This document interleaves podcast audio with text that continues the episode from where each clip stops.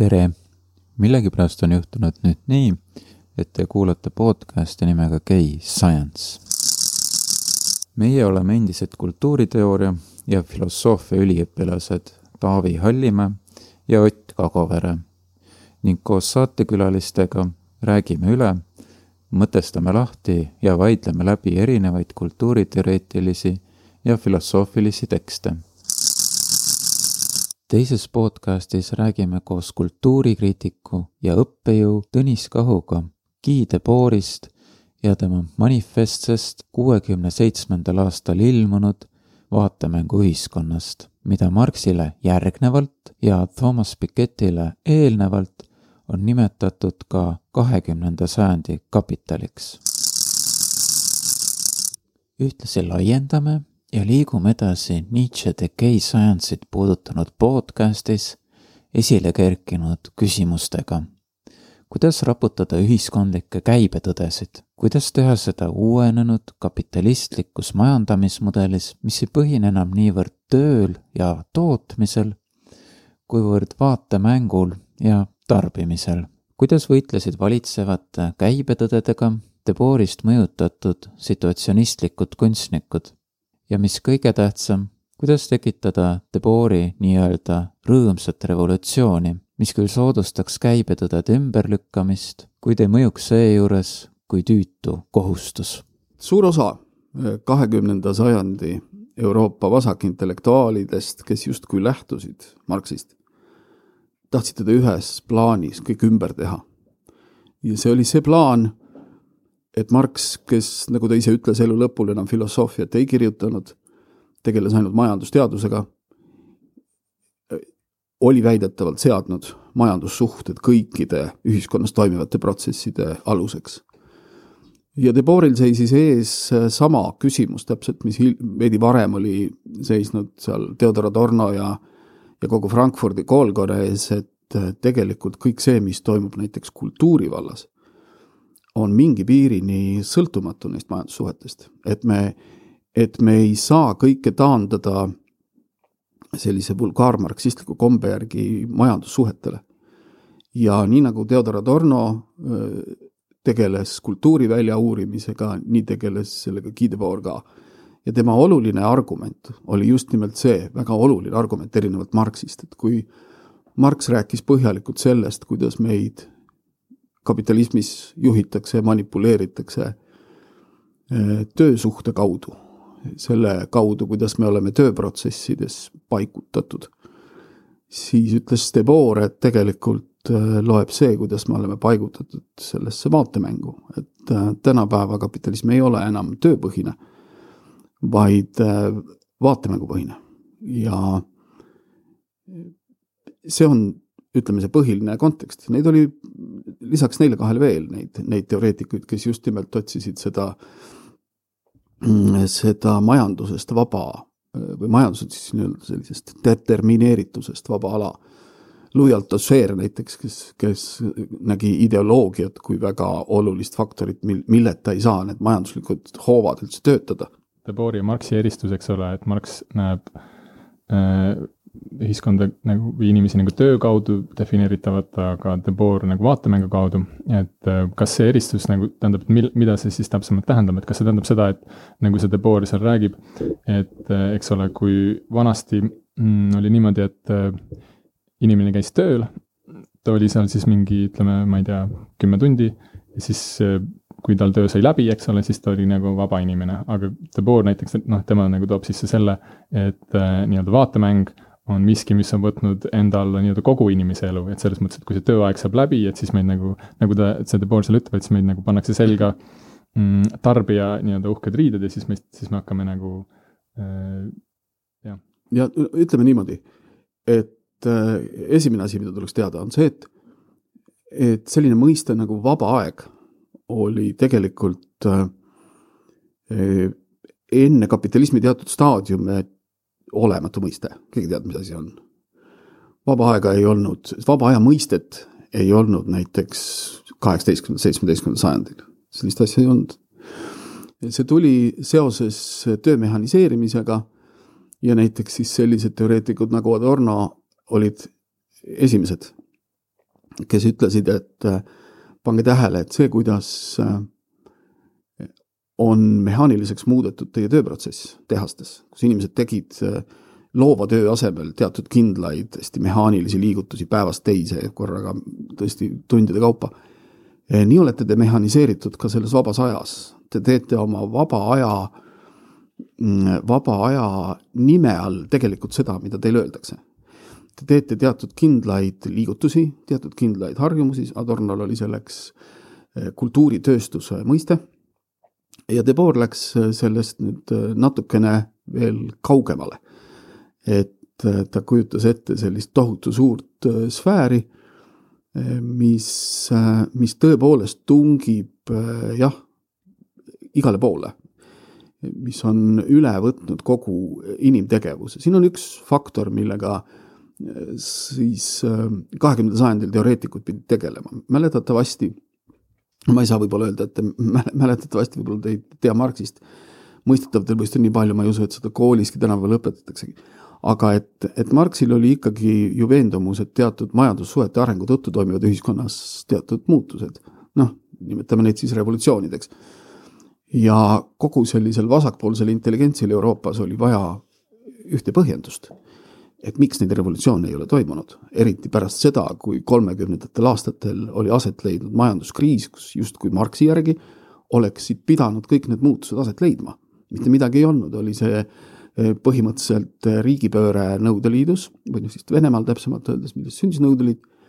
ja see oli eh, kahtlemata mingisugune alternatiiv, aga kindlasti mitte piisav ja kindlasti mitte rahuldust pakkuv alternatiiv aga kogu selles nii-öelda lääne ühiskonnas ei olnud midagi juhtunud. ja sellepärast hakatigi otsima seletust sellele, et miks seda ei toimu, et, et äh, mis, millised põhjused on sellel, et kõik see, mis, mis läänes aset leiab äh, või ütleme, kõiges selles, mis läänes aset leiab, on see nii-öelda kapitalism nii edukas, miks ta toimib. et see oli see, mis, mis äh, vasakpoolseid mõtlejaid vaevas. Marksi, Marxi õpetust ei lükatud selles mõttes tagasi mitte põhjusel, et temast oli ära tüdinetud, vaid põhjusel, et, et tajuti, et seal on mingid faktorid veel, mis, mis Marxi puhul paika noh, enam lihtsalt päris ei pea. aga millel oli vaja vastus leida, vot vaatemängu ühiskond oli üks katse selline vastus anda. me ei saa midagi tehtud sellepärast, et me ammu enam ei kuulu sellisesse tohutu suurde töö, tööprotsessi ahelasse, kus me teeme mingisuguseid noh, kindlaid äh, nii-öelda rõhumisest tingitud operatsioone, vaid me kuulume tohutu suurde vaatemängu ühiskonda, mille kaudu meid juhitakse.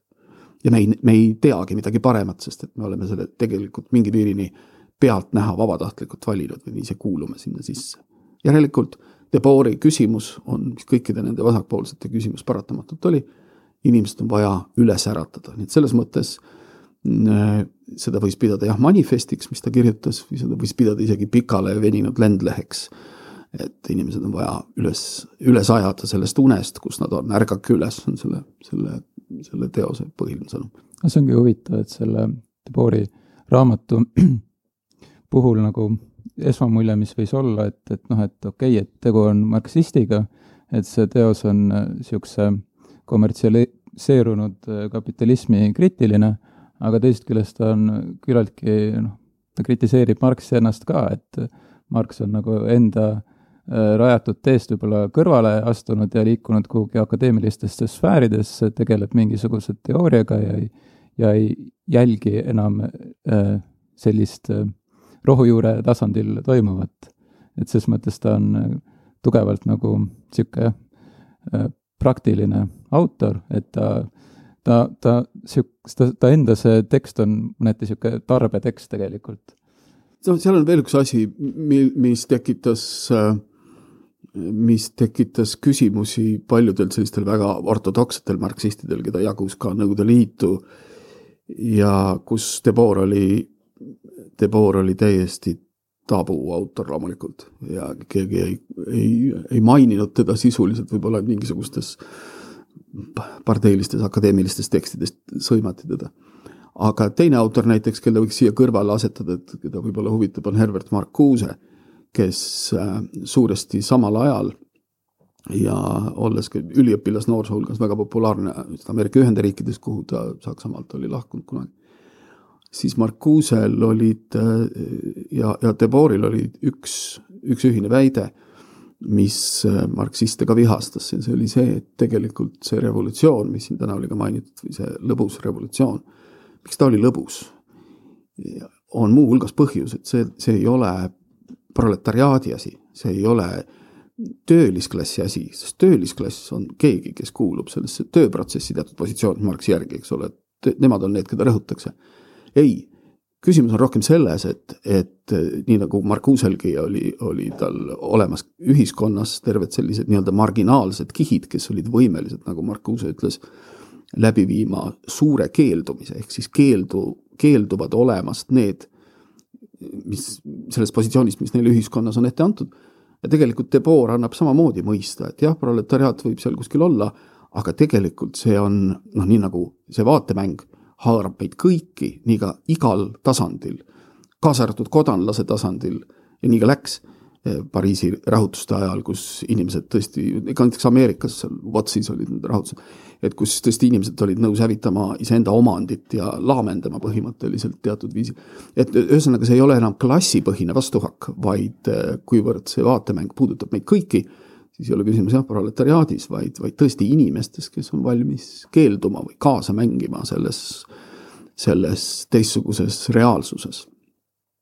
võib-olla see, see, kuidas mm, Debori järgi inimesed on justkui piltlikult ühendatud, ilma et nad oleksid ühendatud.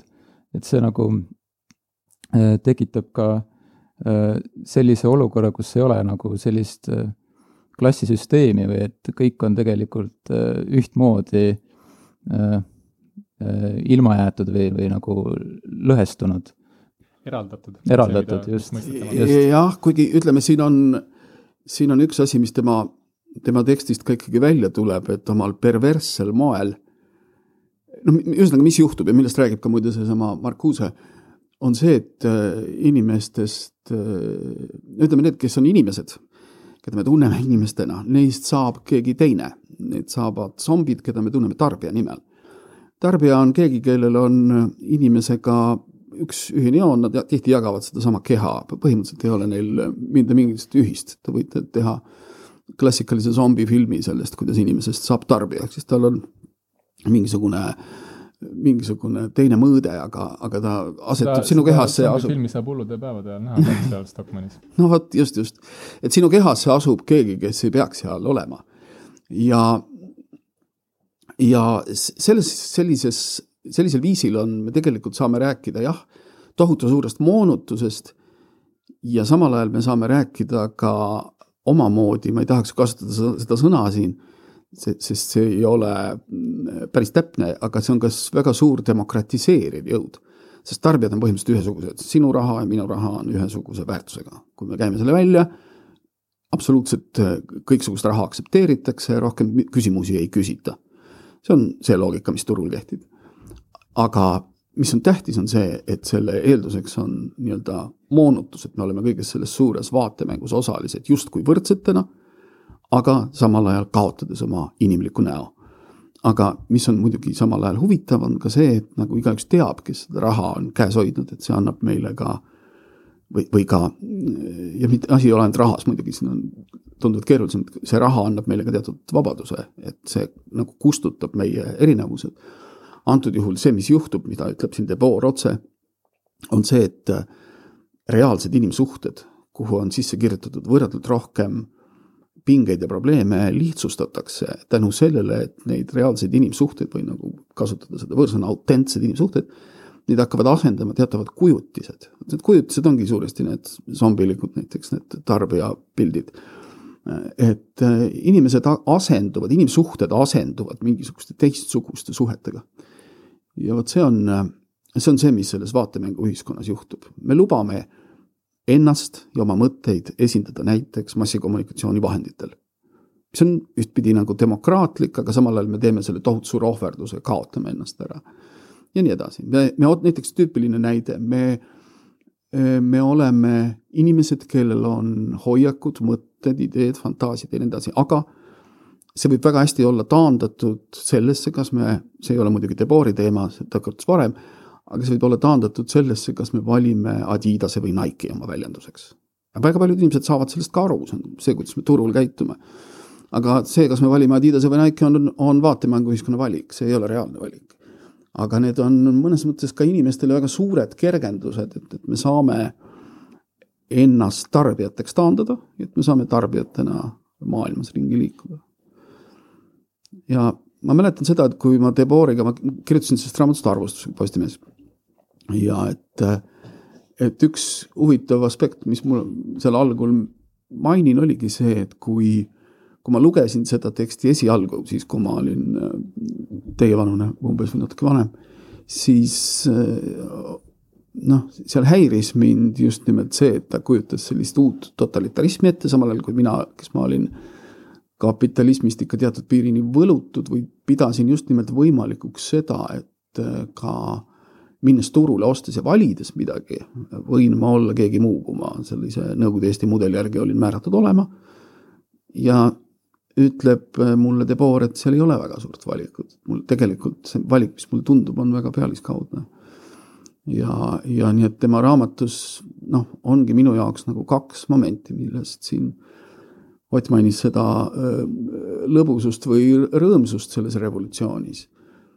aga ma ütlen kohe ära, et minu puhul on, on see ka see, et, et väga suurel määral on, on jah, see Deboris küll olemas, aga ta samal ajal on piisavalt masohhist, et ta naudib selle totaalsuse ja möödapääsmatuse kirjeldusi ka ta kirjutab ikka sellest suurel määral nii, noh, kirjutabki nii, et, et see põhimõtteliselt läbistab elu kõiki aspekte ja läbistab kõiki inimesi ja ja kui ta seda tõesti tõsiselt mõtleb, siis, siis tegelikult ei ole ju vaatemänguühiskonnast pääsu.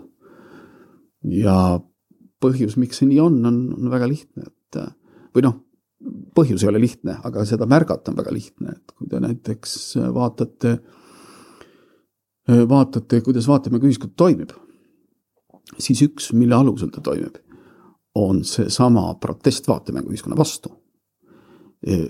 Mitte kusagil ei leia te nii mõnusalt palju protestivaid niisuguste superstruktuuride vastaseid e, filme kui Hollywoodist, alates Avatarist ja lõpetades kuhu iganes.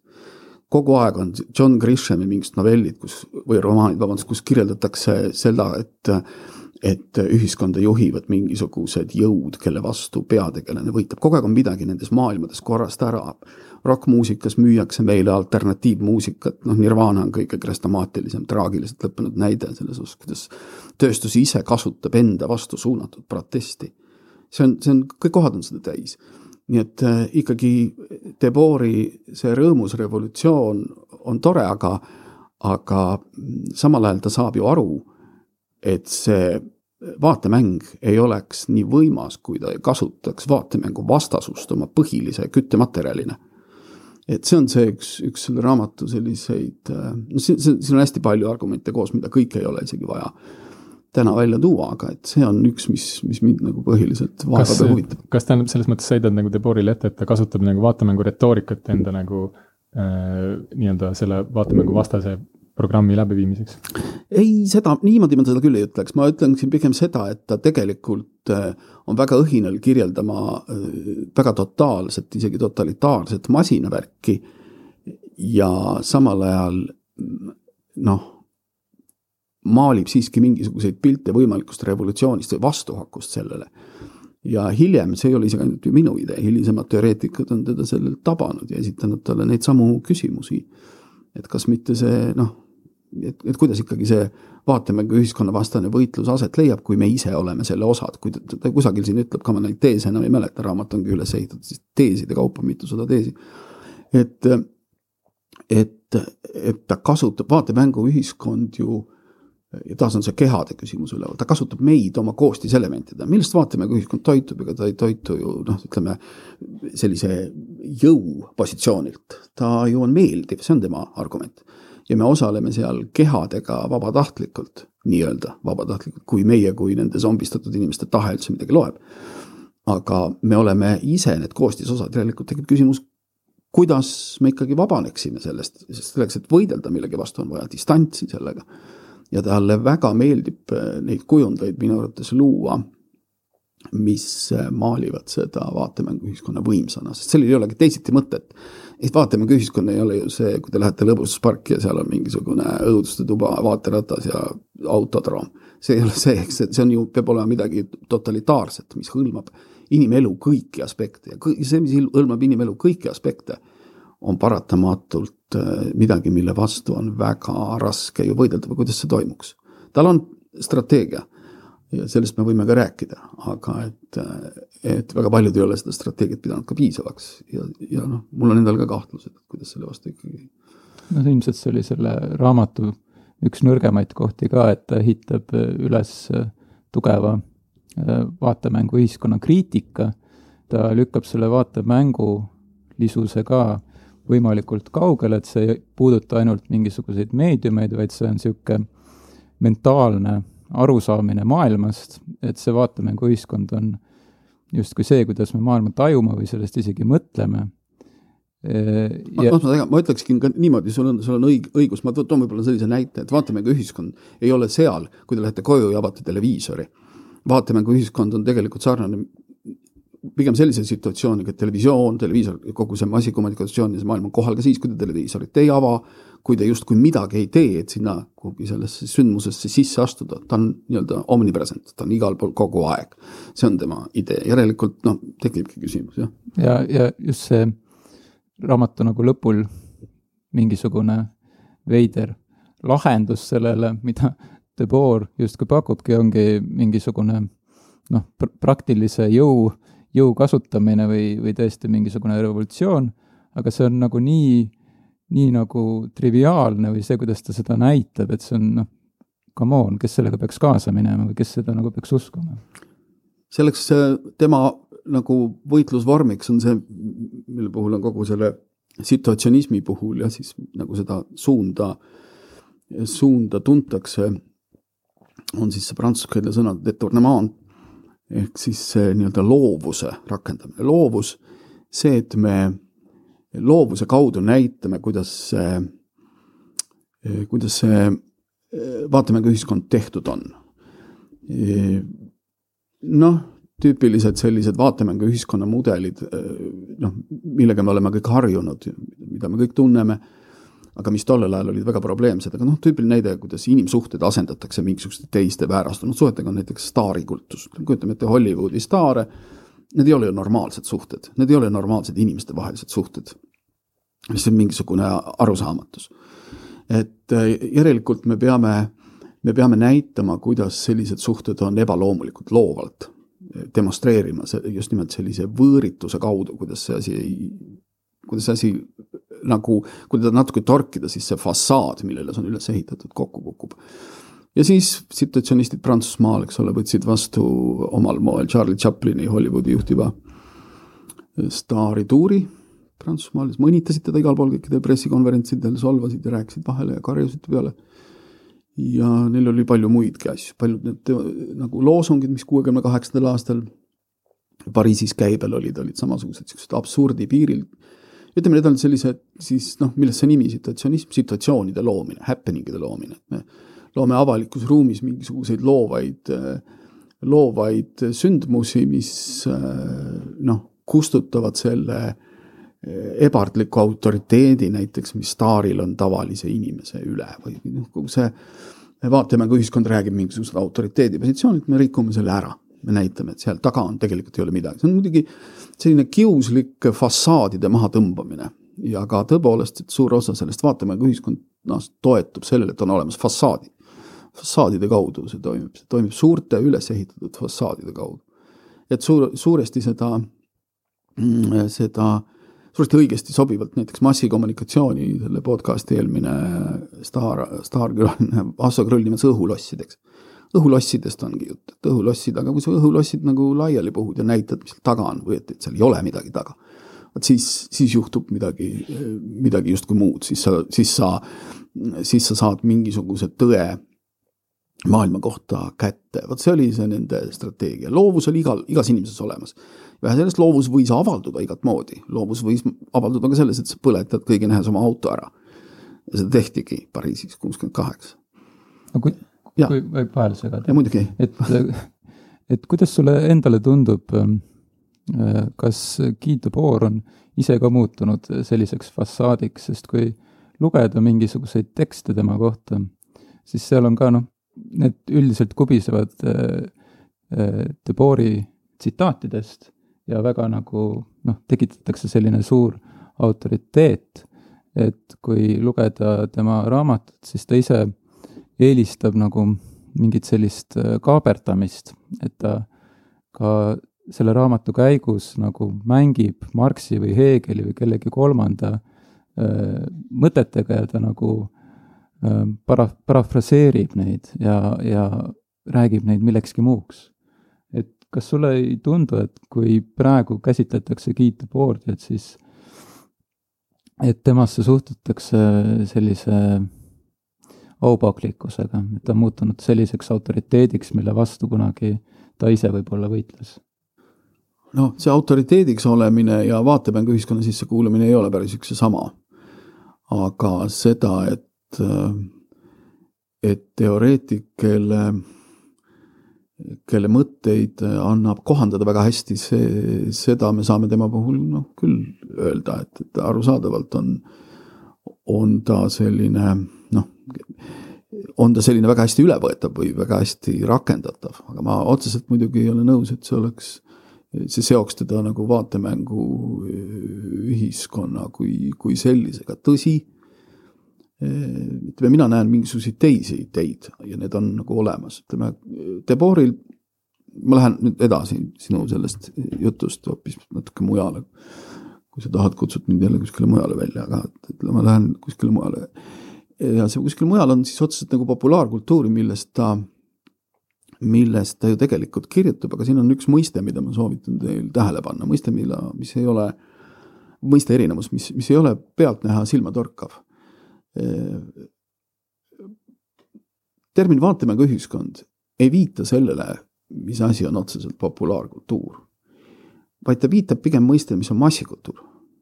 see on oluline vahe rääkides massist ja masside mõjutamisest ja populaarkultuur sinna kõrvale panna, on pigem kultuur, mis räägib rahvale mõjumisest, rahvaga suhtlemisest ja rahva enda loomingust. see on, asetab rõhu täiesti mujale. ja, ja kui populaarkultuur on midagi, millest, mille kaudu mille kaudu võiks analüüsida inimesi, mille kaudu inimesed iseennast analüüsivad, siis äh, vaatemänguühiskond on selline tohutu suur masinavärk, mis tegelikult äh, ju valitseb meid. ja Debord kirjutab sellest. aga mm, see, mida me tunneme populaarkultuuri all, tegi tegelikult seda, et ta võttis väga paljud Debordi ideed äh, üle ja kõige tuntum nähtus, mida on ka kirjutatud lahti on loomulikult see, mida tegi pankkultuur seitsmekümnendate Suurbritannias ja mis sealt äh, edasi sai. pankkultuur tegi Suurbritannias põhimõtteliselt äh, niimoodi, et muuhulgas ka seal olid ka personaalseid kokkupuuteid. et äh, Briti situatsionistide seas oli näiteks ka Sex Pistolsi nimelise ansambli mänedžer Malcolm McLaren. Ja kui me vaatame seda, kuidas pankrok avalikus ruumis, muuhulgas televiisoris käitus, siis äh, väga otseselt äh, olid, olid nende võtted laenatud sellest Tournement strateegiast, et äh, võtta ja tuua loovus avalikku ruumi ja näidata, et kogu see vaatemängumehhanism on rajatud mingisugusele olemuslikule valele, kui nad käisid kuningannat õnnitlemas suhteliselt ropu lauluga, siis ja politsei kaater neid tagasi, siis põhimõtteliselt oli kogu see sündmus sündmus selline, et, et nii need reaktsioonid kui ka sündmus ise olid osa sellisest situatsionistlikust strateegiast. ja situatsionist, situatsionistlikust strateegiast oli aga, selle sai, selle, sellele tuli jätk veel ühel väga spetsiifilisel viisil. Et ma sellel pankil praegu ei peatu, aga see kindlasti võttis aktiivselt üle väga palju sellest kuuekümne kaheksanda, kuuekümnendate lõpu üldse strateegiast, mida situatsionism oli tutvustanud. aga mis juhtus edasi, on huvitavam. ja edasi juhtus see, et, et ma olen alati nagu eritlenud kahte väidet äh, pankrockiga seoses, millest üks ütleb, et staari staatus näiteks või kogu see fassaad, mille, mille me maatemänguühiskonna puhul ära tunneme, on olemuslik vale ja mõeldud meie valitsemiseks, see on üks. ja teine loogika on see, mis tuleneb sellest samast, et kuivõrd see on olemuslikult bluff ja väljamõeldis, siis saavad seda välja mõelda kõik, kes seda soovivad. seda saan välja mõelda mina, minu, minu naaber, minu sõber ja mis algas näiteks Briti populaarmuusikas, oli see, et sa saad iseennast teatud staariks olemise tunnustest kokku panna nii, nagu sa soovid. Sul ei ole vaja mingisugust olemuslikku sellist kuskile romantismi aega viitavat sihukest triumfeerivat staatust. staar on keegi, kes oskab staarina käituda, kes oskab staariks olemist kombineerida, see oli kaheksakümnendate alguse Briti popkultuuri üks, popmuusika just üks erineva, erilisi selliseid tunnusjooni, sealt tulid kõik ansamblid, keda te mõned mäletavad ja teavad, mõned on ära unustanud, Frankie Goes to Hollywood, kõik nii edasi, Culture Club. kõik need, kes, kes otseselt kasutasid seda kultuuri kui teeskluse strateegiat, David Bowie comeback oli sealtkaudu nähtav ja nii edasi. ajaloo kummalise triki tõttu avati kaheksakümne esimesel aastal Ameerika Ühendriikides eh, selline telekanal nagu Music Television, MTV. MTV üks erilisi spetsiifilisi jooni oli see, et seal ei olnud esialgu mitte midagi näidata, neil ei olnud videosid.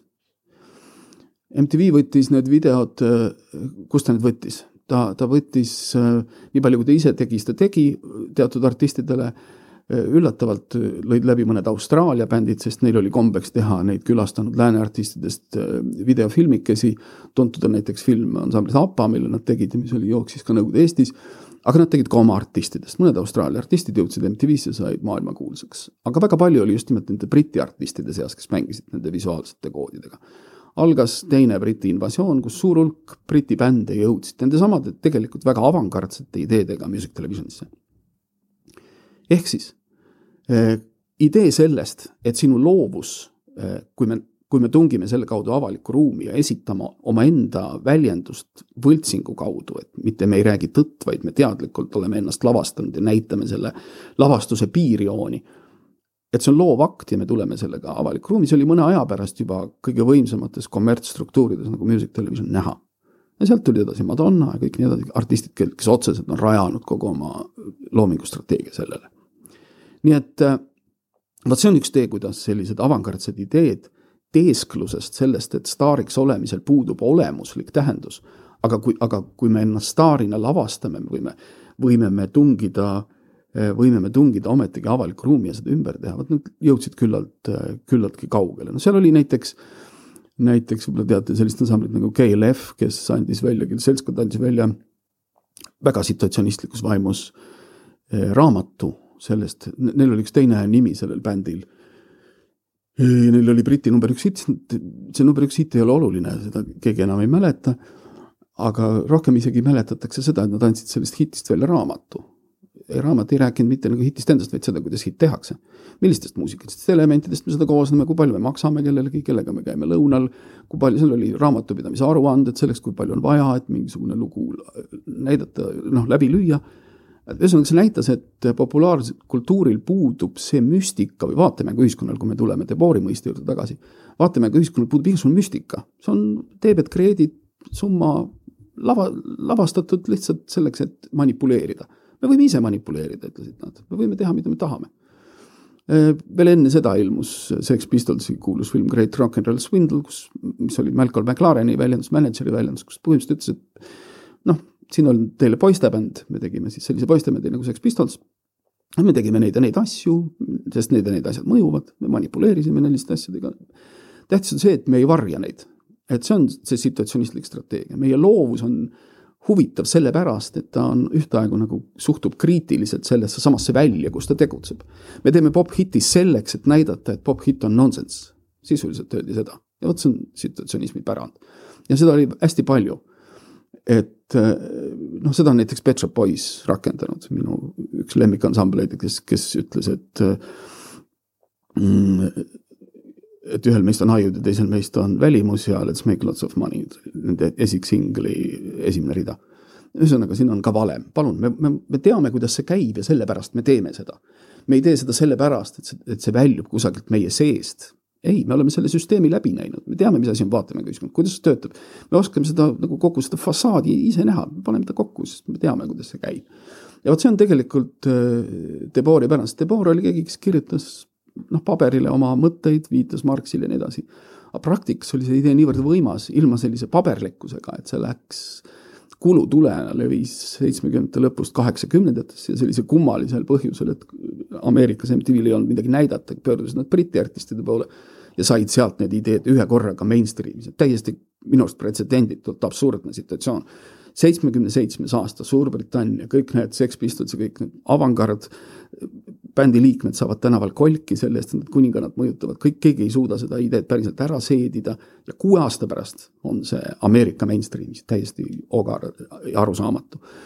ja need, see on nagu asjade kokkulangemise tulemus, aga ilma ei saa me sellest midagi aru, kui me ei seo seda Debori mudeliga, Debori mudel veel kord on see, et, et me sellise loovuse kaudu näitame, kuidas vaatemänguühiskond tehtud on ja seetõttu kustutame tema mõju. kustutame ära, mis ta, mis tema mõjujõud on. Aga jah, paratamatult, paratamatult loomulikult see noh, nende, nende poplaulude mõju elas ikkagi edasi, kuigi nende nagu tõukejõud oli kriitiline ja, ja noh, irisev ma arvan, et siin tuleks ka võib-olla siis nagu äh, noh, kui sa nagu vastandad niimoodi massikultuuri ja popkultuuri, siis selge see, et need on sünonüümid, aga samas äh, neil nagu kattuvus on tegelikult palju suur. selles no see... mõttes see osa, ütleme, kriitilisest nii-öelda popkultuurist on tegelikult üpris väike, kui popkultuuri silmas pidada. ja no see vastandus ei ole otseselt minu oma, et see oli see väga oluline, noh, tegelikult see, kui me tahame sellest vastandusest rääkida, siis nii Adorno kui ka Debord käsitlesid äh, seda, mida me tunneme massikultuuri ja tegelikult räägiti ju massiühiskonnast massiühiskond oli mingisugune väga räige tehniline süsteem. see oli siis Adorno ja ka hiljem tegelikult Debori arusaam, see oli räige, jõhker tehniline süsteem, eh, samal ajal kui mõiste populaarkultuur või popkultuur tuli Ameerika Ühendriikidest ja tuli ta põhjusel, et Ameerikas oli, mm, Ameerikas oli pärast eh, sõda väga suur probleem, noh suur probleem oli ta sellepärast, et Ameerikal olid maailmavallutuslikud eesmärgid, sealhulgas ka Euroopas, imagoloogilisel viisil muidugi. ja et ameeriklased katsusid muuhulgas, ameeriklased olid suured. see oli siis probleem kelle jaoks, ameeriklastel? ja ameeriklastel oli suur probleem selles mõttes, et kuidas Euroopale müüa maha mm. see mm. kultuur, mida eurooplased olid mõnitanud, eriti Inglismaal, aga ka Saksamaal, mida eurooplased olid aastaid mõnitanud kui barbaarsuse näidet ja ameeriklased alustasid sellist äh, makeover'it siis äh, kusagil sõja järel, kui siis näiteks kõige ilmsem tallermaa oli Saksamaa, kus siis Saksa enda mitmesugused kultuurilised äh, nurgakivid kaotasid oma tähenduse, selle asemele tulid mikihiired, aga mitte, mitte ainult, igasugused muud populaarkultuuri näited, massikultuuri näited tulid ka, aga seda saatis siis pigem see ideoloogia, et tegemist ei ole äh, tegemist ei ole mitte massikultuuriga ja ajupesuga, vaid mingisuguse spetsiifilise sellise kultuurivormiga, mis nagu, mis nagu kõnetab inimesi, on inimestele lähedane ja nii edasi, nii et see on puhtalt selline imagoloogiline muutus. aga loomulikult noh, seal on ka omad sisulised, sisulised selged erinevused ja loomulikult ka sisuline sarnasus, sest see tööstus ei ole väga erinev aga jah, et seal see murrangu moment jääb kusagile teise maailmasõja järele. Ameerikas olid suur osa diskussioone sellest, seal ilmusid kogu teosed sellest ja esimesed koguteosed olid, kõik rääkisid massikultuurist. kuni siis lõpuks öeldi, et kokkuvõttes noh, kokkuvõttes ei ole see asi nii hull, et kui me pakume inimestele korralikku, korralikku toodangut, mis võimaldab neil olla need, kes nad on, siis ei ole asi nii hull. see viib mind natuke sellest teemast kõrvale, aga jah, et, et loomulikult eurooplastele oli see ikkagi midagi ohtlikku eurooplaste jaoks oli see, mida tunti massikultuuri ja massiühiskonna nime all, oli ohtlik. Ja, ja sellised kõrgkultuuri argumenteerijad nagu Adorno ja teised olid ikkagi väga-väga kriitilised selle suhtes või noh, ütleme, ütleme nende esteetiliste vaadete aluseks oligi see, et tõrjuda seda tohutu suurt mehhanismi, mis, see mehhanism, nii nagu Adorno seda käsitles, oligi muide see, et et inimsuhted moonutatakse, see oli ikkagi seesama põhiline väide, inimsuhted moonutatakse kaupade sisse see on tegelikult ka Debori nagu väide. jah, täpselt seesama, jah.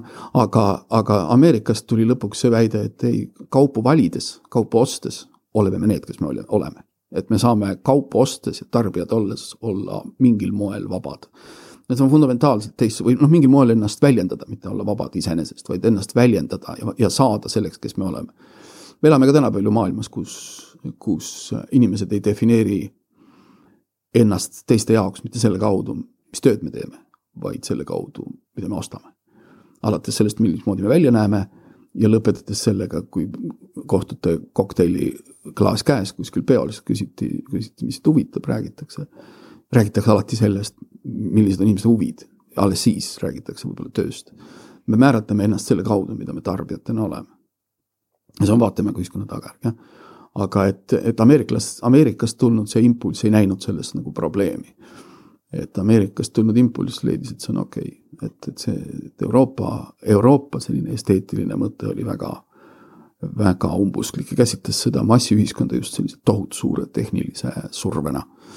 tohutu suure masinavärgina, mis muide hekseldas Adorno kultuuritööstuse mõiste, mis ei ole päris analoogne selle vaatemänguühiskonna mõistega, hekseldas endasse ka nii-öelda kõrgkultuuri saavutusi.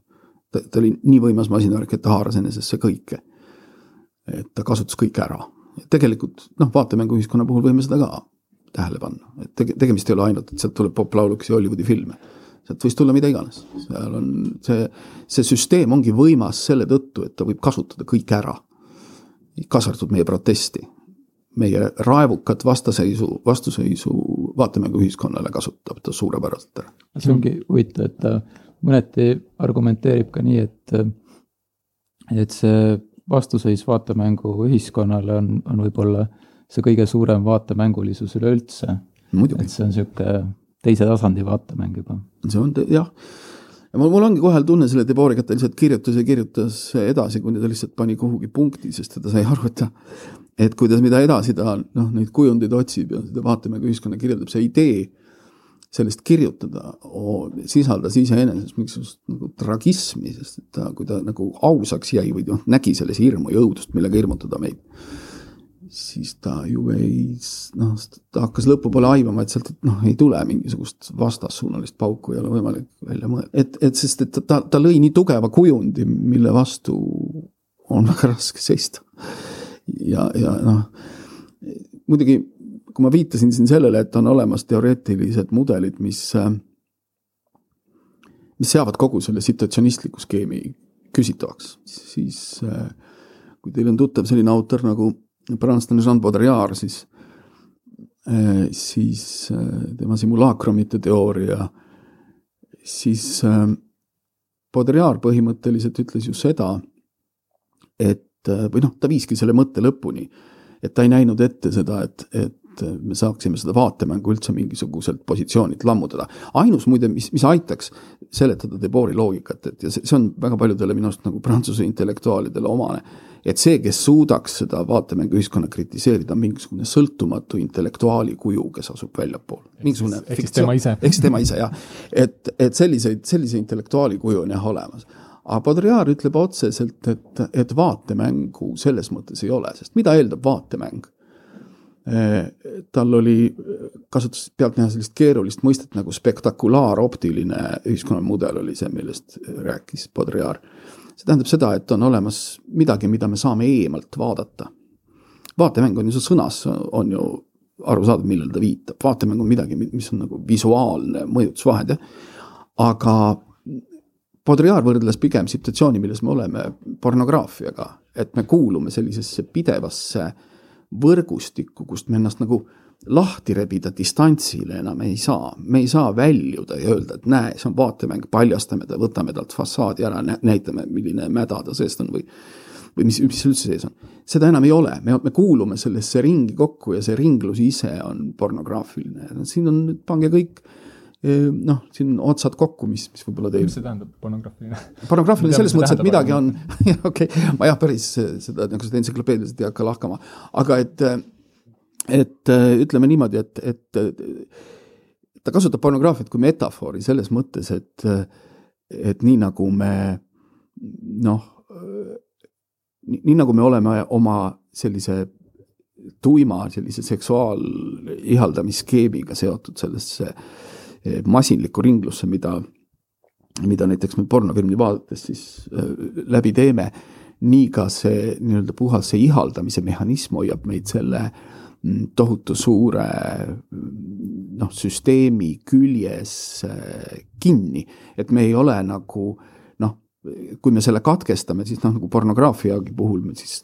igasugune, äh, igasugune selline mõjujõud lõpeks, aga me ei saa seda katkestada, et noh, see pornograafiline, see lähe, lähedal olek ise on tema jaoks pornograafiline, see, et, et me elame pidevalt seotud maailmas, et meil puudub privaatsus, pornograafia, pornograafilis tähendabki seda, et ta tungib kõikidesse meie sellisesse ihaldamise mehhanismidesse. antud juhul on siin siis see, et, et, et me ei saa ennast eemale rebida ja öelda, et näete, et täna tuleb televiisorist see, ma panen televiisori kinni ja siis lõpetan selle müstika, ei, me oleme just nimelt see, mida ma rääkisin, me oleme kogu aeg selles nii-öelda pornograafilises sellises ihaldamise ringis, millest me välja ei pääse. ja me ei saa kuskilt katkestada seda. see puudutab kogu kapitalismi toimet, Baudrillard võib-olla ütlebki rohkem veel seda, et kui, kui Debord nagu annab ikkagi, tahab öelda, et vaatemängulisus on kapitalismi omadus, siis tegelikult Baudrillard annab mõista, et et, et see noh, kapitalism ongi vaatemäng, seal ei olegi enam mitte midagi muud. et me kuulumegi sellisesse lõputusse ringlusse, mis teeb ka igasuguse poliitilise vastuhaku tegelikult võimalikuks, igasuguse revolutsiooni, igasuguse distantsi, meil ei ole seda jah, seda spektakulaaroptilist suhet, vaid me kuulume pidevasse sellisesse ringlusse sisse, pange, pange, nagu ma ütlesin, mingid asjad kokku ja, ja te näete, et kui millest kirjutab äh, Debord, võib-olla televiisor, raadio, eks ole, kõik need asjad, aga pange nüüd see situatsioon internetiajastusse. internetiajastu on juba selgelt nagu pornograafiline Baudrillardi mõistet kasutades. meil, me oleme internetis ka siis, kui me seal ei ole. me oleme kogu aeg teineteisega kontaktis, isegi siis, kui me reaalselt ei taha seda olla. et me elame siis maailmas, kus selline noh, privaatsusel ei ole enam ruumi, nii edasi. et, ähm, et seal noh, Padrial ei kirjutanud ka muidugi päris just Facebooki ajastul jah, aga, aga ta igatahes viib selle nagu kaugemale ja kustutab selle kaugemale viies sedasama teemat, kustutab muuhulgas selle lootuse, et me saaksime üldse vastu hakata. et sellel ei ole võimalik vastu hakata, me oleme ise selle võrgustiku tõepoolest osalised, me ise hoiame seda käigus mismoodi me seda katkestame, mis, mismoodi see saaks juhtuda, seda ei saa juhtuda. mulle, mulle, mul, ma tahtsin, mul on hea meel, et sa tõid selle, selle mm, Baudrillardi sisse, sest ma tahtsin just ise ka nagu, või nagu ma mõtlesin selle peale ja nende nagu vastasseisu peale, sest nad on nagu mõtlenud, kelle ideed on nii väga sarnased.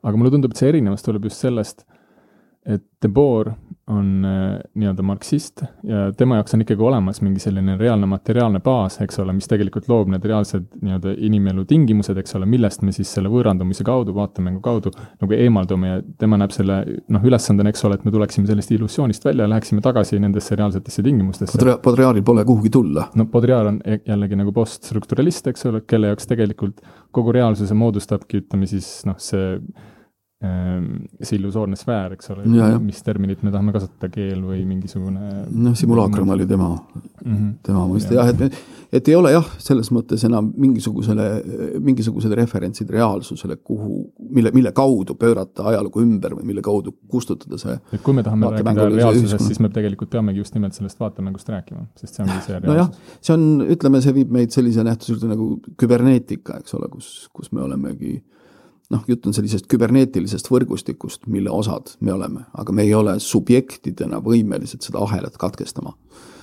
et, et see on noh, see on see, miks De, Debord jääb nüüd natukene sellisesse naljakasse positsiooni, et ta on tõesti üles ehitanud mingi tohutu suure võimsa struktuuri, mille, mille kukutamist ta soovib ja ka nagu hilisemad teoreetikud ütlevad, et jah, aga ütlevad seda, mida on tegelikult Debori enda tekstist ka näha, et sa oled ise osa sellest struktuurist, kes see kukutab mm.. kuidas me, me oleme ise kutsunud esile selle, me ise hoiame seda püsti.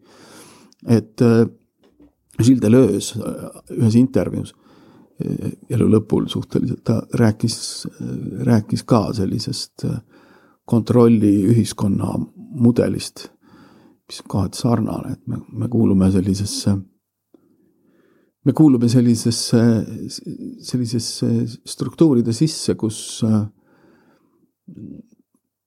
ta mainis ka sellist nautimist ja tarbimisnaudingut, mille, mille kaudu me selle struktuuri sees püsime. ja samamoodi hea näide on, mis on sellega muidugi seotud, on äh, võlgu olemise mehhanismid. see, mille kaudu noh, noh, kuidas me siis nüüd ühel päeval ärkame, ütleme, et me peaksime, võiksime pangad kukutada, eks ole, sest et sealt tuleb kurjus, sealt tuleb see või teine võim ja nii edasi. aga pangad oleme meie ise, me ise oleme neid, hoiame püsti. me oleme neile võlgu, me kasutame nende kaudu saadavat mõnu, tarbime nende kaudu, mida me siis kukutame me, me ei ole, meid ei ole, meil ei ole vaja allutada vägivallaga või, või suure valega, nagu Debord näeb aru. me lihtsalt oleme ise nõus, ise mängime selles skeemis kaasa. et eh, noh, ei ole just väga rõõmus järeldus ja inimesed eh, aeg-ajalt ignoreerides teatud seesuguseid järeldusi alustavad ikkagi kusagilt ja lõhuvad ära mingisuguse selle keti otsa justkui. aga ütleme tõesti, et eh, kui Eesti oli okupeeritud ja siis, siis olid küsimused olid selles mõttes võrratult lihtsamad, sa teadsid, kus asus vaenlane. ja sa teadsid, et äh, mingid, ma ei tea, väed peavad välja saama. Aga noh, need olid asjad, mis on nagu lahendatavad, aga teised küsimused on see, et kui sa oled, kui sa oled osa mingisugusest skeemist, mille, mille püstipanemise sa oled ise, mille püstipanemisele sa oled ise kaasa aidanud. Aga samas on siin ikkagi nagu mingi äh, nagu sa ennem just rääkisid sellest nagu popkultuuri kontekstis, on ka sellel nii-öelda, ma ei teagi, mis mõistet oleks siin nüüd kõige täpsem kasutada, aga selles nagu kaasaegses ühiskonnas ka see positiivne äh, tegur olemas, just, just see, et sa saad nagu äh, noh, sa saad ka iseennast nii-öelda üles ehitada läbi selle, nende struktuuride, kui sa need nii-öelda läbi näed. vot probleem ongi selles, et, et me kirjeldame siin maailma, mille puhul tegelikult äh, saab välja tuua hästi palju meeldivat, et see ei ole noh, ta ei, ta ei valitse meid äh, nagu valu kaudu. Ta ei, ta ei tee meile nagu haiget. et äh, noh, kui me mõtleme, ma ei tea, orjapidamise peale, siis orjapidamise see ei ole ka päris täpne, sest et meil lihtsalt nagu noh, meil on vedanud, et me, enamus meist ilmselt siin kuuluvad keskklassi ja me käime ülikoolis, eks. jaa, aga, aga need teised ei saa võib-olla vaatemängu ühiskonnast osa, vaatemängu ühiskond, tasub meenutada, ongi ka Debori arvates ikka teatud määral privileeg. aga kas ei ole nagu, no aga kui me ei räägi Debori mõttes, vaid me räägime Baudrillardi mõttes, selles mõttes siis on ju tegelikult ei ole sellist kohta, kus keegi on sellest väljas, vaid ka kõik inimesed on seal sees. jah, aga niivõrd, kui nad on selle sees, ei toimi see minu arvates ikkagi valu tekitamise kaudu. et, et noh, sa võid noh, selle üle võib muidugi aru. Nad on kapitali liikumisest ilma ja selles mõttes ja, nad ei saa süüa küll. ja see tekitab no, valu. küll, jah. ei no nüüd orjandusliku korra näide on ikkagi see, et, et orjanduslik kord oli ju ka, eks ole, ta oli nagu tõhus või, või orjapidamine oli tõhus. aga muidugi sinna juurde võib ette, ette kujutada ka ju see, et mis on orjapidamine ainult tõhususe põhiselt, orjapidamise võimalused on ju, piiramatu võimalused on see, et sa saad sadist olla, sa saad haiget teha, eks ole.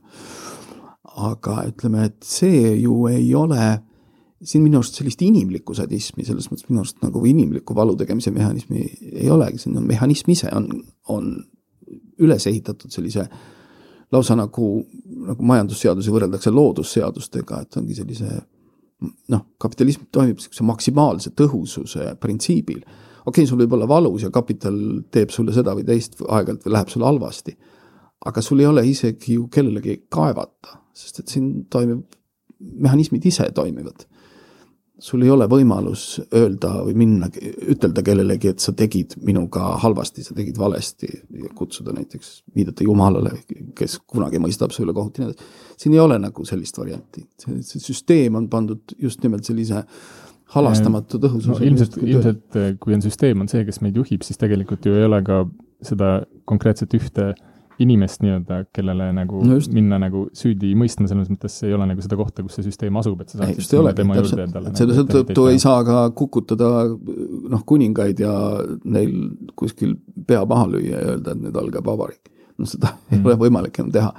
sest et, sest et noh, me oleme, me, me olemegi ise osad sellest skeemist.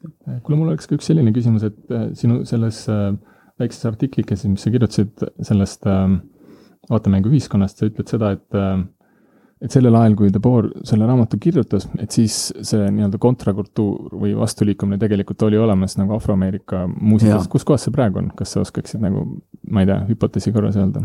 kas sa näed seda kusagil või? seal on mitu mit,, mitu selles mõttes küsimust. ma, ma kõigepealt muidugi pean seda mainima, mis ma siis, mis ma siis ütlesin, jah, et Deboril on seal kuskil olemas, et me vajame, see on hästi Euroopa intellektuaalil võib-olla niisugune omane vastus, et me vajame uut keelt maailmast rääkimist, mis ongi tõsi. et kui meil on selline üks vaatemänguühiskond, siis see ei, mingi tohutu suur vaatemänguühiskond, see ei mõjuta muud, kuid see mõjutab ka üldse, kuidas me mõtleme ja räägime ja nii edasi. ja järelikult me peame midagi noh, tõesti muutma fundamentaalselt selles osas, kuidas keelt kasutatakse. ja tõesti, afroameerika kultuuri näol oli see olemas, sest see tuli, see oli tulnud muidugi juba varem, see tuli, eks ole, modernismi all, näiteks Prantsusmaa oli just nimelt väga vastuvõtlik aga seal kuuekümnendatel oli olemas jah, seal suur hulk sellist avangardset džässi ja midagi, midagi muud, mis täiesti, mis täiesti muutis eh, seda kõnelemise viisi, mis ei allunud sellele vaatemänguühiskonna mudelile. on muide teada, et ma, ma olen lugenud hiljem, et äh, Debord oli, kuna ta oli prantsuse intellektuaal, ma ütlesin, et Prantsusmaa väga spetsiifilisel kohal, siis ta oli küllalt hästi, ta teadis, kes on John Coltrane ja ta teadis, mida nad teevad ja ta isegi meeldis, aga ta, talle meeldis see, aga ta, mis talle ei meeldinud, oli see ja mis mitte ainult teda, vaid väga paljusid tollaseid moderniste häiris, oli see, et sellise muusika levitamine plaatidel, mis sidus selle automaatselt selle vaatemänguühiskonna kõikide reeglitega, aga seda muusikat ennast ja tema energiat ta teadis, üht-teist ta minu arust instinktiivselt võib-olla isegi aimas, on juttu olnud sellest. mis nüüd praegusesse aega puutub, siis äh, see on võidujooks, küsimuse all, all ongi seda, kas, kas me suudame noh, sellist koopteerivat või kaasahaaravat loogikat näha või on olemas mingisuguseid vabu kõnelemise võimalusi. ma tean, et neid otsitakse ja ma tean, et neid leitakse.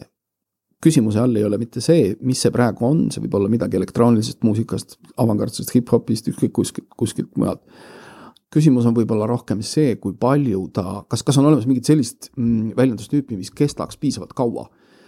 kui kaua ta püsib nagu nii, et, et ta suudab äh, ühtaegu olla märgatud ja samal ajal olla, olla, olla vaba.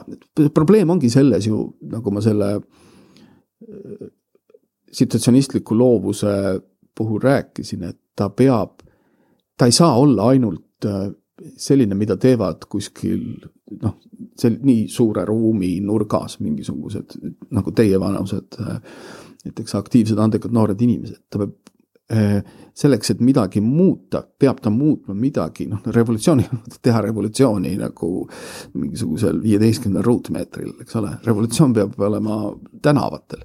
revolutsioon, noh, ütleme muusikatööstuse keeles näiteks revolutsioon peab toimuma edetabelites Sex Pistols jõudis edetabelis väidetavalt isegi esimeseks, kuigi teda ei julgetud sinna kirjutada, siiamaani on seal John sega... Coltrane oli edetabelites. John Coltrane ei olnud edetabelites, aga John Coltrane tegelikult ta ikka peaaegu oli ka, tema laul Love Supreme, mida esitati, jõudis äh, teiste esituses hoopis hiljem väga kõrgele edetabelisse. seal olid hoopis teised, ei ta, ta ei jõudnud isegi edetabelitesse, aga ta jõudis tänavale ta jõudis tänavale väga, väga suurel määral või noh, tänavale, mõtle selles mütoloogilises mõistes, reaalses mõistes, ta oli kuulda, ta oli kontserdil, teati teda, tema, temast mõjutati, Ameerikas, ma ei tea, Stooges ja Sun Ra esinesid samal kontserdil või MC5 ja Sun Ra esinesid samal kontserdil, nii edasi, see oli igal pool olemas, see ei olnud mingisugune saladus ja ka noh, nagu ma alati toon, et mulle mulle ei meeldi sellise alternatiivmuusika ja alternatiivkunsti puhul soov, et me esineme neile, keda me teame, kes on juba noh, nii-öelda meie sõbrad. Iggy Pop alustas oma esimese plaadi avalugu, et see on lugu kõikidele inimestele kõikjal Ameerikas, igas kodus, nii edasi. see on tema nagu start. et, et see oli see, millest see muusika rääkis, nii et siin on nagu see küsimus on, et et hästi segmenteeritud, fragmenteeritud maailm, mis ei mõtle enam sellistes väga suurtes kategooriates, et, et me murrame välja igale poole. aga see on paraku selle Debori, nagu Ott seda alguses nimetas, lõbusa või, või noh, ütleme siis niisuguse funky revolutsiooni eeldus, et sa näed seda tänaval. et see oli see, mis ka kuuskümmend kaheksa toimus, aga noh, revolutsioon, mis toimub mingisuguses kuuris kuskil Kalamajas, no on ju põhimõtteliselt ju tore, aga et see on, et see ei ole, see ei ole see et see on see, et väga hea, et inimestel on võimalus sellelt konveierilt välja astuda, see on täiesti hindamatu asi iseenesest. noh, ma ei tea, kas veider, aga, aga veidi nagu kahetsusväärne, et äh, Debord nagu lõpetabki selle arutelu mingil sellisel maal ära, et tegelikult ei, ei suuda nagu välja pakkuda selliseid äh, võimalusi, kuidas neid, seda vaatemängu nagu lõhkuda või, või noh, tema meelest justkui ei olegi võimalik tekitada neid konkureerivaid vaatemänge, vaid ta nagu pigem arvabki, et, et me lõhume selle ekraani ära ja siis, siis on nagu mingisugune utoopia. aga et, et jah, ses mõttes on, on see raamat nagu poolik. jah, raamat on ta on poolik. liiga marksist minu meelest, minu arust on see tema probleem. see on võib-olla ka, see, mis on ühest küljest muidugi hea, aga teisest küljest no ma ei tea, ta võib-olla tänapäeval mõjub, mõjub nagu veidralt, jah. mm. -hmm. järgnevalt vaatasime kahte reklaamklippi, millest esimene puudutas üht USA jaemüüjat ja tema antikapitalismist toituvat reklaamikampaaniat. viimane oli ajastatud Black Friday'le, mis ameeriklastel juhatab sisse jõuludeelse ostumaratoni.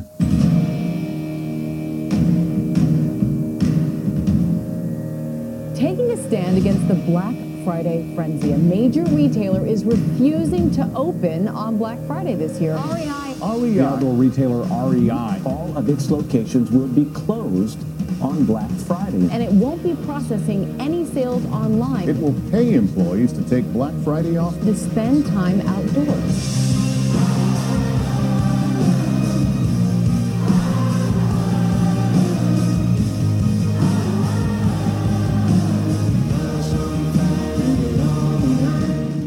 Kuuldud reklaamklipp põhines niisiis sellel, et Black Friday'l suleti kõik jaemüüja kauplused.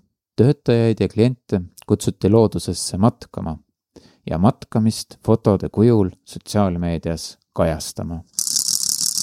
küllalt mõjusaks osutunud ja hiljem teistegi ettevõtete poolt kasutusele võetud kampaania võtmemomendiks oli aga see, et nimetatud USA jaemüüja ei tegelenud mitte millegi muu kui matkavarustuse müümisega. teine lindistamise jooksul vaadatud ja samuti palju tähelepanu tõmmanud reklaamklipp puudutab üht globaalset pesupulbritootjat, keda justkui vaevavad India ühiskonnas juurdunud patriarhaalsed soostereotüübid ja sealne diskrimineerimine kodustes majapidamistes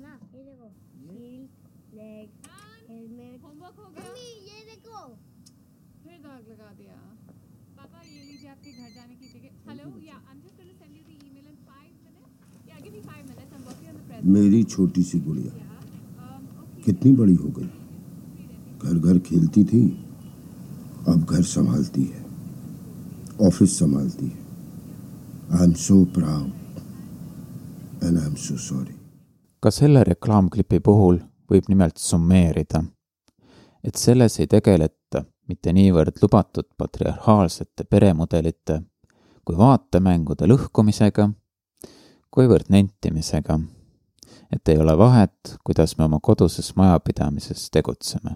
lõpuks peab ju pesu ikkagi pestud saama. või nagu kirjeldas Tõnis kõikide reklaamide peamist sõnumit, mida me ka ei teeks, meil on üks ühine mure, see on pesu pesemine, aga meil on sellele lahendus. kõige tüüpilisem näide või no, mida mina võib-olla isegi soovitaksin siia juurde vaadata, on, mis on reeglina alati müünud ju sobi, sobi, mitte sobitumist ja mässumeelsust, on Apple'i reklaamid. mis on, nende idee on just nimelt see, et me, me näeme kedagi väga, seal on Bob Dylan ja kes seal on kõik me näeme kedagi, kes justkui on unikaalne ja mis sõnum on siis see, et ole sina sama unikaalne, mis on nagu noh, nonsense. aga et, et küsimus ongi selles, et müüakse ikkagi mingeid terveid selliseid väärtussüsteeme, mitte, mitte tooteid, tihtipeale nad ei reklaamigi. noh, toot-, tooted ei ole üldse kõige tähtsamad, vaid just nimelt see imagoloogiline asi. aga et on olemas üks strateegia, mis, kui küsida, et mis me edasi peame tegema. ja see strateegia on tegelikult see, millest täna ei jõudnud rääkida aga see, noh, sellest võiks teha omaette diskussiooni. on olemas äh, nähtus, mida tuntakse akseleratsionismi nime all. ja et akseleratsionismi loogika on tegelikult see, et me peame, me peame mitte otsima vastuhakuvõimalusi, vaid kiirendama teatud nende protsesside saabumist. ehk siis kiirendama selle nii-öelda massikultuuri kohalolekut, intensiivistama, ma mõtlen selles mõttes kiirendama, muuta ta radikaalsemaks et teda oleks veel rohkem eh, ja eh, rajada oma maailmapilt rohkem sellistele mm, kuidas öelda, siis afektiivsetele eh, nagu sekkumistele. et me mitte ei mõtesta ega kritiseeri, vaid me noh, osaleme afektiivselt teatud protsessides, näiteks siis noh, populaarmuusikas te võite ette kujutada, et noh, kuidas noh, tüüpiline näide sellisest, kui me astume nagu kultuurist ja sellest kritiseerivast aspektist välja. Eh, näiteks reivikultuuri näide, me oleme võtnud mingid narkootikumid, seal valgus, helitugevus, muusika, spetsiifiline rütm ja kõik see mõjub otseselt nii-öelda kehasse. Ja sellega koos me nii-öelda intensiivistame ennast äh, teatud maksimumini, vot et, et see on nagu kapitalism. narkootikumid on lahendus siis. Jah, ei narkootikumid on lahendus selles mõttes, et narkootikumid on selle afektiivse kultuuri vastuvõtmise mudel jah, selles mõttes küll, nii et selleks ei ole narkootikumi vaja võtta. selleks on vaja võtta, võib ka seal ilma olla, aga küsimus on selles, et, et, et et kapitalistlikul kultuuril, kapitalistlikul kunstil on afektiivne mõjuväli see puudutab ka kinos, minge vaadake, kuidas tänapäeval filme müüakse, et need on tugeva mingi surround sound'iga, noh, vanem, vanad inimesed ei julge enam kinno minna. et see noh, täiesti nagu teistsugused on need multiplexid seal. et, et see on kõik on, on noh, või, või siis ka see, kuidas see visuaalselt toimib. et kapitalismi tulevik ei ole mitte selles, et me noh, distantseerime või otsime või otsime vigu või kritiseerime või hoiame ennast oma privaatsuses eemal, vast vastupidi. me läheme sellesse süsteemi sisse, täna ei jõua sellest rääkida, aga noh, et põhimõtteliselt see on olemas terve strateegia. et tulevik on mitte selles, kuivõrd me vastandume sellele, vaid kui me oma afektidega nagu kaasa läheme. Go with the flow. see tekitab ju väga selliseid äh, moraalseid probleeme tegelikult, sest kui vaadata nagu poliitilist välja või vaadata näiteks äh, selliseid parempopulistlikke liikumisi, siis kas see tähendaks ka seda, et näiteks nüüd, kui tulevad USA presidendivalimised, et selle, selle mõtte järgi peaks valima Donald Trumpi? jah, just selle mõtte järgi isegi peaaegu võiks valida Donald Trumpi, jah. igaks juhuks tasub meelde tuletada, et lindistasime seda podcast'i kahe tuhande kuueteistkümnenda aasta lõpul. Kahe tuhande seitsmeteistkümnenda aasta algul on akseleratsionism ilmselgelt veelgi käegakatsutavam. on üks, üks huvitav autor, kes, kes otseselt on paljude teiste selliste vasakpoolse mõtlejate poolt põlatud. just nimelt seetõttu, et tal on sellel asjal kõva selline poliitiliselt reaktsionäärne hoiak, see on äh, mehe nimi on Nick Land kes on otseselt, tihti on see seotud muide just nimelt tehnoloogiaga, et moodne tehnoloogia on see, mille kaudu. inimeste enda kehad on nõrgad, aga kui me oleme liidus masinatega, siis me intensiivistame oma maailma nii, et me oleme vastupidavamad, suhteliselt kergelt sihuke noh, fašismi piiril ideoloogia, et me, me suudame, noh, näiteks meie kultuuri vastuvõtt intensiivistub. ja me ei pea reflekteerima, me ei pea, noh, me ei pea näiteks mõistma, vaid me peame olema afektiivselt pidevalt kontaktis. ja fašismiga on see seotud äh, seotud selle noh, näiteks kahekümnenda sajandi alguses selle futurismi, Itaalia futurismiga, kus D'Annunzio ja teised, kes kirjutasid, et, äh, et ma ei maga, ma enam ei tee, noh, ma, ma lasen noh, nii-öelda muudan ennast nii-öelda tehniliseks, õpin mitte magama, õpin mitte väsima. ütleme, need on, need on sellised äh, futuristlikud unelmad ja futurismil oli tugev nagu fašismi link või see, et, et sinu keha sinu keha ei ole sulle piisav, sa pead ennast äh, intensiivistama mingisugusesse punkti või et inimese tulevik õieti noh, reaalselt no, minu vanused ja ilmselt ka isegi teie vanused ei jõua enam kuhugi, aga et ütleme, see tulevik, tulevik on nende inimeste päralt, kes on suutelised mõistma oma sellist piiratust. siin on niisugused posthumanistlikud ja muud faktorid ja mängima kaasa. kuivõrd kapital on kõikvõimas asi, me ei suuda talle vastu hakata, siis me mängime temaga kaasa, see on ainus meie tulevik et see on, see on see, kapital ise õpib korda looma, ta õpib vist ka ökoloogiliselt korda looma, moraali küsimustes ka korda looma, need küsimused lakkavad olemast. kujutame siis ette, on olemas eh, siis see staarisuhe ja ta toidab üles, üles, kütab üles mingisuguseid kummalisi inimtüüpe nagu näiteks Mike Chapman, kes lasi Lennoni maha, mingisugune fänni fantaasiad, mis noh, mis tekitab nagu sotsiaalseid kataklüsme, nii et kapitalism ühel hetkel peab hakkama midagi tegema, see on üks teooria. aga teine teooria on see, et ta ei tee midagi, ta tõesti absorbeerib kõik ära ja, ja tegelikult rohkem inimene ise muutub selle käigus, noh, inimene on, tähendab, inimene on niikuinii ebatäiuslik olend, ütleme tehnoloogilise perspektiivi järgi, inimesest, inimene ise endaga toime ei tule, meil on vaja kogu aeg mingeid pikendusi. Lähen välja, istun pikendusse, oma jalgade pikendusse, mille nimi on autobuss, sõidan kesklinna, mul, ma ei, kui ma hakkan jala minema, see võtab liiga palju aega. nüüd äh, inimene on kogu aeg ebatäiuslik, ta vajab neid tehnilisi pikendusi ja selleks, et kapitaliga toime tulla, sest kapital on liiga tugev faktor, pean ma samamoodi ennast teatud viisil nagu tehniliselt kogu aeg täiustama. järelikult mingit kataklüsmi või katastroofi ei juhtu. vot Marxi järgi küll juhtus, aga selle mudeli järgi väga ei juhtu, et selle mudeli järgi me lihtsalt noh, arendame nii-öelda uue inimtõu välja. ja kultuuriga suhtlemine ei ole noh, selles mõttes nagu see, mis ta varem oli, vaid, vaid just nimelt afektiivne. afektiivne tähendab seda, et afekt ei ole, afekt ei ole midagi personaalset, afekt on midagi, mis levib inimeste vahel, emotsioonid on personaalsed, tunded on ka isiklikud. emotsioonid on jälle mõeldud tegelikult, emotsioonid on rohkem sotsiaalsed, tunded on need, mida me paratamatult tunneme, emotsioonid on need, mida me näitame teistele, kui me oleme. kui me emotsionaalselt väljendame kurbust, siis me teeme seda teiste jaoks. et noh ütleme siis afektid on jälle need, mis on nagu eelsemad, neile mõjumine tähendab seda, et, et inimesel seda parameetrit muudetakse. Nii et kui me sellest lähtume, siis, siis äh, rohkem kapitalismi ja mitte vähem, et rohkem vaatemängu.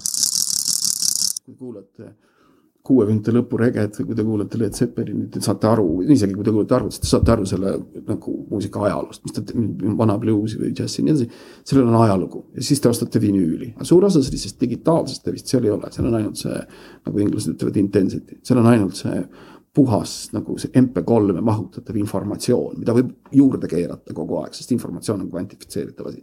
seda saab olla rohkem, sa saad seda intensiivistada et ka paljud artistid, kes mulle meeldivad, muuhulgas ka neilt noh, sihukest moodsa, Ott kohati jagab seda kiindumust sellisesse moodsasse kommertspopi, ma ei tea, Britney Spearsi, Viimal Plaat, mõned veel.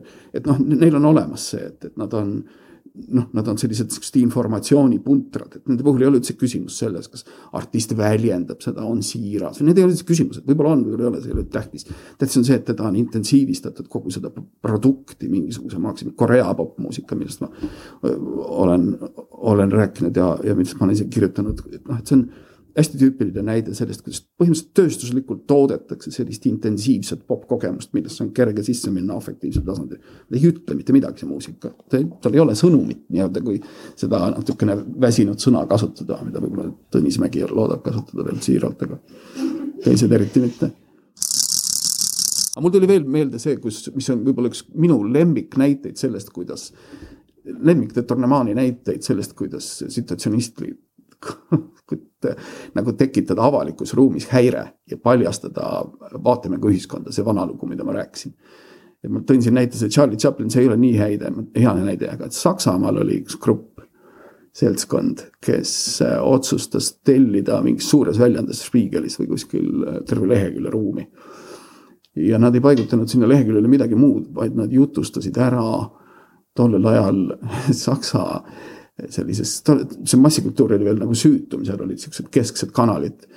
ja neid ei olnud väga palju, tänapäeval on niisugused noh, erinevate niisuguste kaabelkanalite ajastul on seda raskem teha. aga neil oli siis, Saksamaal oli paar kinderkanalit ja ta ühes neist jooksis kõige sihuke ülivenukast kogu rahvast ühendav krimisari, nad jutustasid ära, kes on mõrvar lihtsalt, vaatasid, tead. sellega oli kõik lõppenud selles sarjas. mis, mis kruus oli, mis ah?, mis kruus oli, mis mingi saksa mingi institutsionistlik gäng, lihtsalt midagi muud, sa lihtsalt noh, võtad selle vaatemängu koost lahti ja vaatemängu ei ole enam. teise podcasti lõpp. vaatemängude lõppu see-eest veel ei paista. kehtib ju nende puhul vormelgi. kõik, mis on, ongi vaatemäng. vaatemänguühiskonna on eesti keelde tõlkinud Anti Saar.